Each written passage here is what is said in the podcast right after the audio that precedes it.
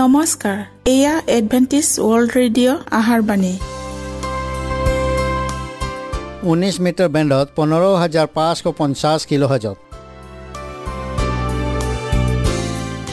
Adventist world radio যোগে অসমীয়া ভাষাত প্ৰচাৰিত আহাৰবাণী প্ৰত্যেক বুধবাৰ আৰু দেওবাৰ সন্ধিয়া সাত বজাত আহাৰবাণী শুনাৰ পিছত আপোনালোকৰ কিবা মন্তব্য আৰু প্ৰশ্ন থাকিলে আমালৈ এই ঠিকনাত লিখক। আমাৰ ঠিকনাটি হৈছে Adventist world radio' seven day Adventist মণ্ডলী অসম শাখা লতাকাটা বশিষ্ঠ গুৱাহাটী সাত আঠ এক শূন্য দুই ন।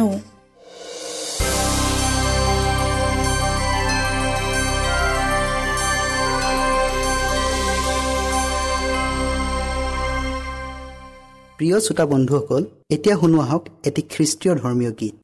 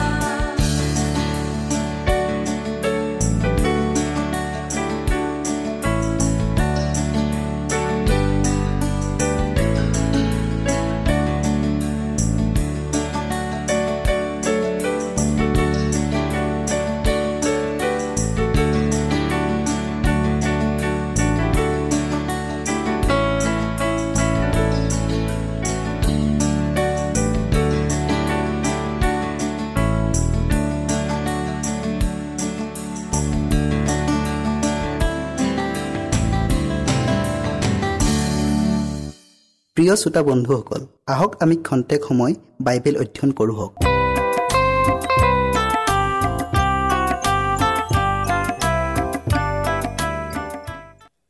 আজিৰ বিষয় হৈছে ক'তো ঠাই নাছিল। আজিৰ পৰা দুহেজাৰ বছৰৰ আগতেই ঈশ্বৰৰ পুত্ৰজনৰ বাবে এডোখৰ থকা ঠাই নাছিল। বৰ্তমানেও তেওঁৰ বাবে থকা ঠাই বিচাৰি পোৱা নাযায়। এই পৃথিৱীত ডেৰ কুৰি বছৰৰ ধৰি তেওঁ ঠাই এডোখৰৰ বাবে বিচাৰি হাহাকাৰ কৰিছিল। এই বিশাল পৃথিৱীত কোনেও তেওঁক আদৰি লোৱা নাছিল বৰং তেওঁক ঠাট্টা অপমান আৰু অৱজ্ঞাহে কৰা হৈছিল। নাচৰত নামৰ ঠাইডোখৰৰ গালিলৰ এখন উল্লেখযোগ্য চহৰ আছিল।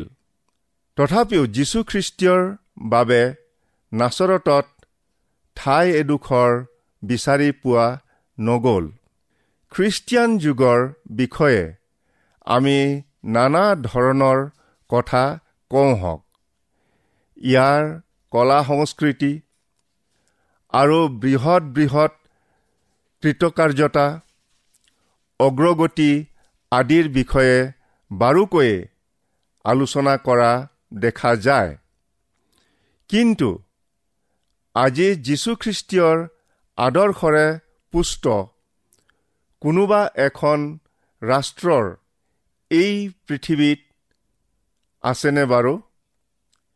যেতিয়া যীশুখ্ৰীষ্টীয় পুনৰ আহিব। তেতিয়া তেওঁক আদৰিবলৈ কোনোবা এখন ৰাষ্ট্ৰ বা কোনোবা এজন ব্যক্তি যুগুত হৈ থকা পোৱা যাবনে বাৰু? এই পৃথিৱীত এনে এখন চহৰ পোৱা যাবনে যি চহৰখনে নেকি তেওঁক আদৰিবলৈ প্ৰস্তুত থাকিব? সেই দেশত তেওঁৰ বাবে এডোখৰ ঠাইৰ অভাৱ ঘটাই মাত্ৰ নাছিল। তেওঁক সকলোৱেই অগ্ৰাহ্য কৰিছিল। তেওঁৰ ফলীয়া কোনো নাছিল। ব্যৱসায়ী লোকবিলাকে তেওঁক প্ৰত্যাখ্যান কৰিছিল। কাৰণ তেওঁৰ উপস্থিত সিহঁতে অন্যায়ভাৱে ধন অৰ্জন কৰিব নোৱাৰিলেহেঁতেন। বিচাৰ কক্ষত তেওঁৰ উপস্থিতি কামনা কৰা হোৱা নাছিল। কাৰণ তেওঁ উপস্থিত থাকিলে উকিল আৰু মহৰীসকলৰ ব্যৱসায় বন্ধ কৰি দিবলগীয়া হ'লহেঁতেন। পৃথিৱীত এনে এটা ব্যৱসায় বা প্ৰতিষ্ঠান নাছিল যিটোৱে নেকি তেওঁৰ উপস্থিতিক বিচাৰিছিল। তেওঁৰ উপস্থিতিক সকলোৱে ভয় সংশয় কৰিছিল। জানোচা নিজৰ ক্ষতি সাধন হয়। সকলোৱে নিজৰ স্বাৰ্থ নিজৰ নিৰ্লজ কাৰ্যবোৰ বন্ধ হোৱাৰ ভয়ত তেওঁক নিজৰ মাজত ৰাখিবলৈ ভয় কৰিছিল। এইটো অতি দুৰ্ভাগ্যজনক কথা যে বৰ্তমানেও পৃথিৱীত অনেক নাম জ্বলা মণ্ডলীসমূহ আছে যিবোৰে নেকি যীশুখ্ৰীষ্টীয়ৰ উপস্থিতিক কামনা নকৰে। সেই মণ্ডলীবোৰৰ দুৱাৰ খুলি দিবলৈ তেওঁ দুৱাৰত থিয় হৈ টুকুৰিয়াই আছে। কিন্তু তেওঁবিলাকে খ্ৰীষ্টীয়ক প্ৰৱেশ কৰিবলৈ দিয়া নাই। তেওঁবিলাকে যদি তেওঁক ভিতৰত প্ৰৱেশ কৰিবলৈ দিয়ে তেন্তে তেওঁবিলাকৰ মানুহে সজা নীতি নিয়মবোৰ বন্ধ হৈ যাব আৰু তেওঁবিলাকৰ ভণ্ডামীবোৰ ধৰা পৰি যাব। আজিও পৃথিৱীত এনেবোৰ অসংখ্য মণ্ডলী আছে যিবোৰে বৰ্তমানে যীশুখ্ৰীষ্টীয় যদি পৃথিৱীত থাকিলহেঁতেন তেন্তে তেওঁক পুনৰ ক্ৰুচত দিবলৈ উত্তেজিত হ'লহেঁতেন। তেওঁবিলাকেও সেই বৈতলেহেমৰ দৰে যিয়ে নেকি শিশু যীচুক ঠাই এডোখৰ দিবলৈ এতিয়াও অপাৰগতা প্ৰকাশ কৰে। সেই নিঃসহায় শিশুটিয়ে শুবলৈ ঠাই এডোখৰো বিচাৰি নোপোৱাৰ যি মৰ্মবেদনা তাক আপুনি কেতিয়াবা উপলব্ধি কৰি চাইছেনে বাৰু? যিজনাক যি সময়ত সকলোৱেই অগ্ৰাহ্য কৰিছিল অৱজ্ঞা কৰিছিল সেই অসহনীয় পৰিস্থিতিটোক আপুনি কেতিয়াবা গমি চাইছেনে বাৰু? যিখন জগতক উদ্ধাৰ কৰিবলৈ ঈশ্বৰে মানুহ ৰূপ ধাৰণ কৰি আহিছিল।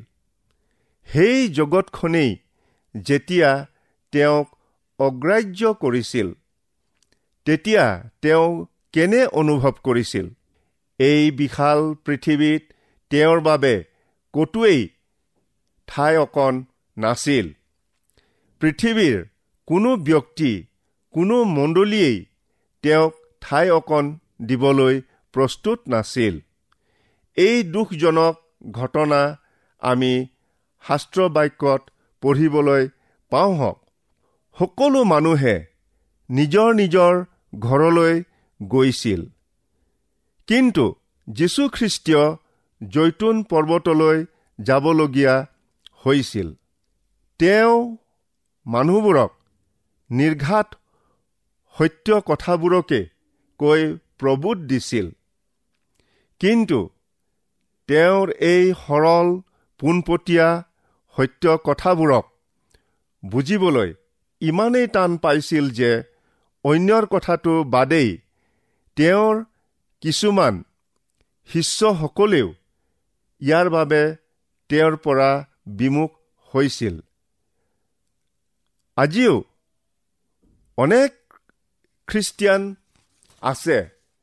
যিসকলে পোনপটীয়া জল জল পট পটকৈ ওলাই থকা বাইবেলৰ সৰল সত্যটোক বুজি পোৱা নাই আৰু বুজিবলৈও চেষ্টাও কৰা নাই।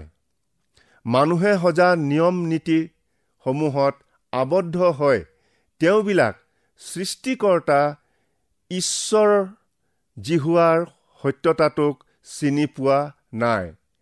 আৰু আপোন সৃষ্টিকৰ্তাৰ পৰা নিজকে বিমুখ কৰিছে। সকলোৱেই নিজৰ নিজৰ গৃহলৈ গৈছিল। কিন্তু খ্ৰীষ্টীয়ৰ নিজৰ ঘৰ নাছিল। তেওঁবিলাকৰ মাজত তেওঁ এজন অচিনাকি ব্যক্তি হৈ পৰিছিল। আৰু সকলোৱেই তেওঁক সেই পৰ্বতত এৰি থৈ নিজ নিজ ঘৰলৈ গুচি গৈছিল। শাস্ত্ৰত কৈছে থাকিবলৈ শিয়ালৰ গাত আছে আৰু চৰাইৰো বাঁহ আছে কিন্তু হাই মানুহৰ পুত্ৰৰ মূৰ গুজিবলৈ ঠাই এডোখৰ নাছিল। সেই সময়ত আমি যদি গালিলত বাস কৰিলোহেঁতেন যিহুদীসকলৰ দৰে বোধ কৰোঁ আমিও তেওঁক ঠাই এডোখৰ দিবলৈ কৃপণালী কৰিলোহেঁতেন। আজি তেওঁৰ বাবে আমি ঠাই এডোখৰ যুগুত কৰিব নোৱাৰোনে? এইটো বৰ আচৰিত কথা নহয়নে বাৰু? যে পৃথিৱীত থকা কালত খ্ৰীষ্টীয়ৰ নিজৰ বুলিবলৈ একোৱেই নাছিল। সকলোবোৰ বস্তু তেওঁ আনৰ পৰা খুজি ল'বলগীয়া হৈছিল। তেওঁৰ বাবে অনা দানা পাত্ৰটো ধাৰ কৰি অনা আছিল। সেই জিৰচালেমলৈ যাত্ৰা কৰিবৰ বাবে অনা গাধটো নিষ্ঠাৰ পৰ্বৰ বাবে যুগুত কৰা কোঠালিটো এনেকি তেওঁৰ কবৰটো ধাৰ কৰাহে আছিল। দানা পাত্ৰৰ পৰা সেই ক্ৰুচডাললৈ সকলোকেই ধাৰ কৰি অনা আছিল। এৰা।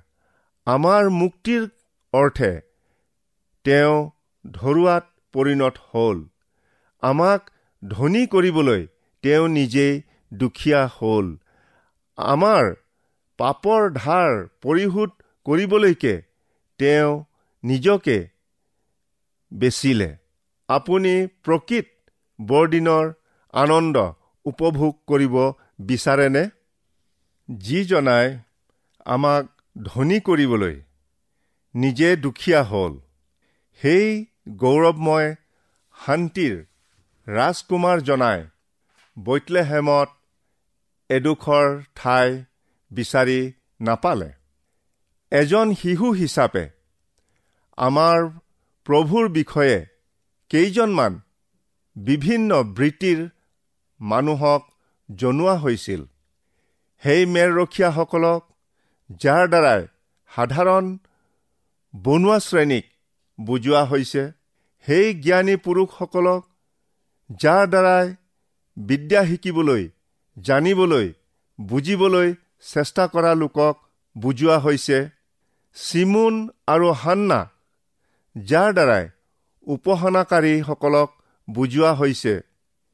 তেওঁ ৰজাৰো ৰজা আছিল কিন্তু জগতৰ ৰজাই তেওঁক হত্যা কৰিবলৈ বিচাৰিছিল। তেওঁ গুৰুৰো গুৰু আছিল কিন্তু তেওঁৰ দিনৰ শাস্ত্ৰজ্ঞসকলে তেওঁক মান্য কৰা নাছিল। তেওঁৱেই আটাই ভক্তি উপাসনাৰ পোৱাৰ যোগ্য জনা আটাই ধৰ্মৰ কেন্দ্ৰবিন্দু কিন্তু জগতৰ মুখা পিন্ধা ধাৰ্মিক লোকসকলে তেওঁক ক্ৰোচত দি হত্যা কৰিলে। মৰাহ কান্ধত লৈ তুলি লৈ মৰিশালীলৈ যোৱা সমদলটোৰ মৰাহটোক তেওঁ পুনৰ্জীৱিত কৰি সিহঁতৰ যাত্ৰা ৰদ কৰিছিল। কিন্তু হাই দুখৰ বিষয় যেতিয়া সকলোৱে তেওঁক ক্ৰোচত দিয়ক ক্ৰোচত দিয়ক বুলি চিঞৰিছিল তেতিয়া এই কাৰ্যত বাধা দিওঁতা কোনো নাছিল। পবিত্ৰ বাইবেল শাস্ত্ৰখনত তেওঁ আমাৰ বাবে আচৰিত ধৰণৰ প্ৰতিজ্ঞা কৰিছে। কিয়নো তোমালোক আনন্দেৰে বাহিৰলৈ ওলাই যাবা আৰু তোমালোকক শান্তিৰে নিয়া হ'ব। পৰ্বতত আৰু গিৰিবোৰে তোমালোকৰ আগত আনন্দ গান কৰিবলৈ ধৰিব। আৰু পথাৰত থকা গছবোৰে হাত তালি দিব। কাঁইট গছৰ সলনি দেৱদাৰু চোৰাটৰ সলনি জেতুকা উৎপন্ন হ'ব। আৰু সেয়ে জিহুৱাৰ কীৰ্তিস্বৰূপ হ'ব। কেতিয়াও লুপ্ত নোহোৱা অনন্তকাললৈকে থকা একেই চিন হ'ব। কিন্তু দুখৰ বিষয় এই যে ধৰ্মীয় নেতাসকলে তেওঁক উপেক্ষা কৰিলে। হে ৰজা হেৰুদে তেওঁক নিজৰ প্ৰতিদ্বন্দ্বী বুলি ভয় কৰি ঈৰ্ষা কৰিলে। কিন্তু সাধাৰণ মেৰৰখীয়াসকলে আনন্দৰে তেওঁৰ সুবাৰ্তা শুনিলে আৰু তেওঁৰ দৰ্শন লাভ কৰিলে আৰু তেওঁক বিশ্বাস কৰি তেওঁৰ সাক্ষী হোৱাৰ সুবিধা পালে। অতি আগ্ৰহেৰে শকত পৰিমাণৰ ধন খৰচ কৰি পণ্ডিতসকলে তেওঁক বিচাৰি আহি তেওঁক দৰ্শন লাভ কৰিবলৈ সক্ষম হৈছিল। এই পৃথিৱীৰ আটাইতকৈ ডাঙৰ সত্যটো হ'ল ঈশ্বৰ মানুহৰ ৰূপ লৈ পৃথিৱীত অভিৰ্ভাৱ হৈছিল। তেওঁ যেতিয়া পৃথিৱীত পদাৰ্পণ কৰিছিল পৃথিৱীৰ বন্ধ দুৱাৰ খুলি দিবলৈ তেওঁ যি সংকেত ধ্বনি সেই সংকেত ধ্বনি দুই হাজাৰৰ বছৰৰ পাছতো এতিয়াও শুনিবলৈ পোৱা যায়। তেওঁৰ অৱতাৰৰ বিষয়ে ভাওবাদীসকলৰ যোগেদি শ শ বছৰৰ আগতেই কোৱা হৈছিল। তৎসত্বেও তেওঁ জন্ম গোপন হৈয়েই ৰল। পৃথিৱীৰ মানুহবোৰে নিজ নিজ কামত ইমানেই ব্যস্ত আছিল যে এনেকি জিৰচালেম আৰু বৈতলেহেমৰ বাসিন্দাসকলেও তেওঁৰ জন্মৰ বিষয়ে একোকেই জানিবলৈ সমৰ্থ নহৈছিল। আজি কোনোবা এজন বিখ্যাত ডাঙৰ মানুহৰ আগমনৰ বাৰ্তাবোৰ পৃথিৱীৰ চুকে কোণে আগতীয়াকৈ জানে। কিন্তু ঈশ্বৰৰ পুত্ৰই যেতিয়া এই পৃথিৱীৰ বৈতলেহেমত জন্মগ্ৰহণ কৰিলে সেই খবৰটোক সমগ্ৰ পৃথিৱীয়েই নজনাকৈ থাকিছিল। এনেকি আজি দুই হাজাৰ বছৰৰ পিছতো বহুতে তেওঁৰ বিষয়ে নাজানে? প্ৰিয় বন্ধুসকল খ্ৰীষ্টিয়ান প্ৰকৃততে এটা ধৰ্ম নহয়। এয়া হৈছে সৃষ্টিকৰ্তা যীশুখ্ৰীষ্টীয়ৰ সৈতে সুপৰা সুসম্পৰ্ক ৰখা এটা মাধ্যমহে। খ্ৰীষ্ট এজন শিল্পী নাছিল কিন্তু পৃথিৱীৰ বিখ্যাত শিল্পীসকলে তেওঁৰ দ্বাৰাই অনুপ্ৰাণিত হৈছিল।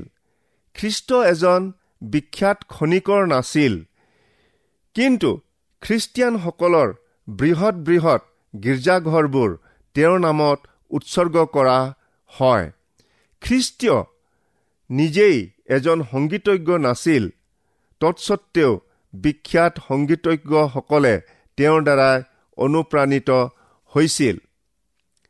খ্ৰীষ্ট এজন বুৰঞ্জীবিদ নাছিল কিন্তু বুৰঞ্জীৰ পাতে পাতে তেওঁৰ নাম বৰ্তমান। হয়। এইটো বুজিবলৈ বৰ কঠিন যে কেনেকৈ এজন ব্যক্তি ইমান বেছি প্ৰভাৱশালী হ'ব পাৰে।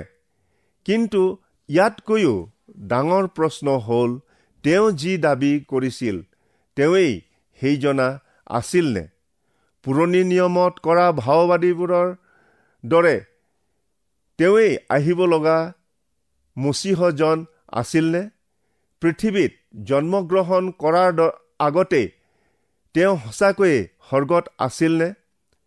খ্ৰীষ্টই ঈশ্বৰ সুৰে পৰ্বতত জোপোহাৰ মাজৰ পৰা যি জনাই মই আছো জনা বুলি মুচিক কৈছিল তেওঁৱেই খ্ৰীষ্ট আছিল আপোনাকে লৈ চাৰি প্ৰকাৰৰ মানুহ যীশুৰ ওচৰলৈ উপাসনা কৰিবলৈ আহিছিল।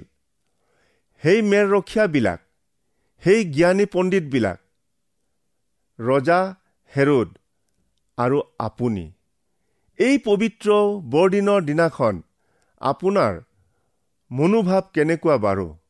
আপোনাৰ হৃদয়ৰ অন্তকৰণৰ পৰা আপুনি যীচুক উপাসনা কৰিবলৈ আহিছেনে?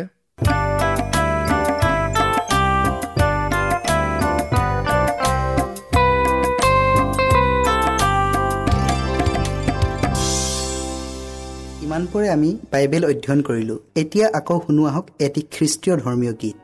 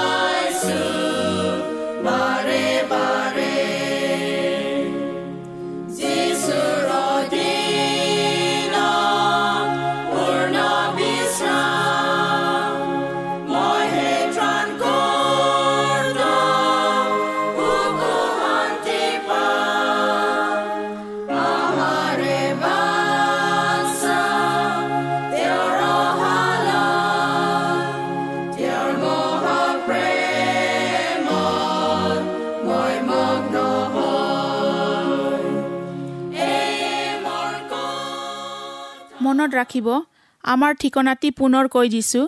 Adventist world radio' Assam region of seven day Adventist voice of hope Latakata Basistha Guwahati seven eight one zero' two nine প্ৰিয় শ্ৰোতা বন্ধুসকল এডভেণ্টিজ ৱৰ্ল্ড ৰেডিঅ' যোগে আহাৰবাণী প্ৰচাৰত আপোনালোকক পুনৰ লগ পোৱাৰ আহাৰে আজিলৈ সামৰিলোঁ।